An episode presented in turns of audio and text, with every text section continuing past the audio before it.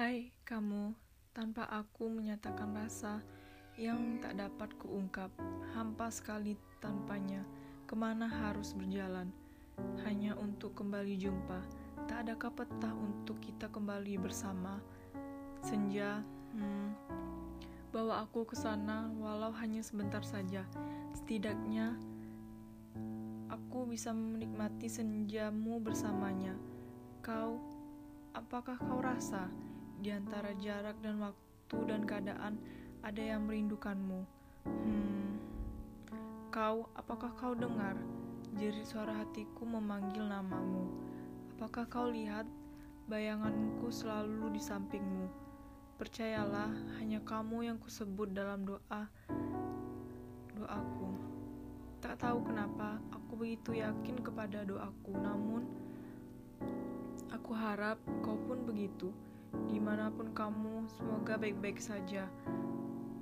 Aku merindukanmu, selalu menyayangi kamu, walau kenyataannya kita sudah berbeda. Bila kau dengar soal apa yang kutulis saat ini, percayalah kalimat-kalimat aku ucapkan ini benar-benar tulus dalam hati. Yang sedikit rintik di pipi, seperti tulisan-tulisanku biasanya dapat ditulis mana saja. Kali ini selalu kutulis untukmu. Mengapa? Aku tak tahu kenapa kau selalu menjadi tokoh peran penting dalam semua ceritaku dan rangkaian kata yang kutulis. Sudah usahaku mencari dan menulis tokoh lebih hebat darimu. Namun, nyatanya rangkaian hati ini selalu ingin bercerita tentang kamu dan perasaanku. Terima kasih untuk kamu mendengarkan ini kesempatan untuk pen untuk pernah menyayangi kamu dulu.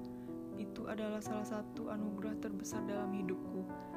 Aku tidak akan menangis lagi karena sesuatu telah berakhir, tapi aku akan tersenyum karena telah sesuatu pernah terjadi kepadaku tentang kamu. Terima kasih telah menjadi tokoh hebat dalam ceritaku. Aku akan selalu menyayangi.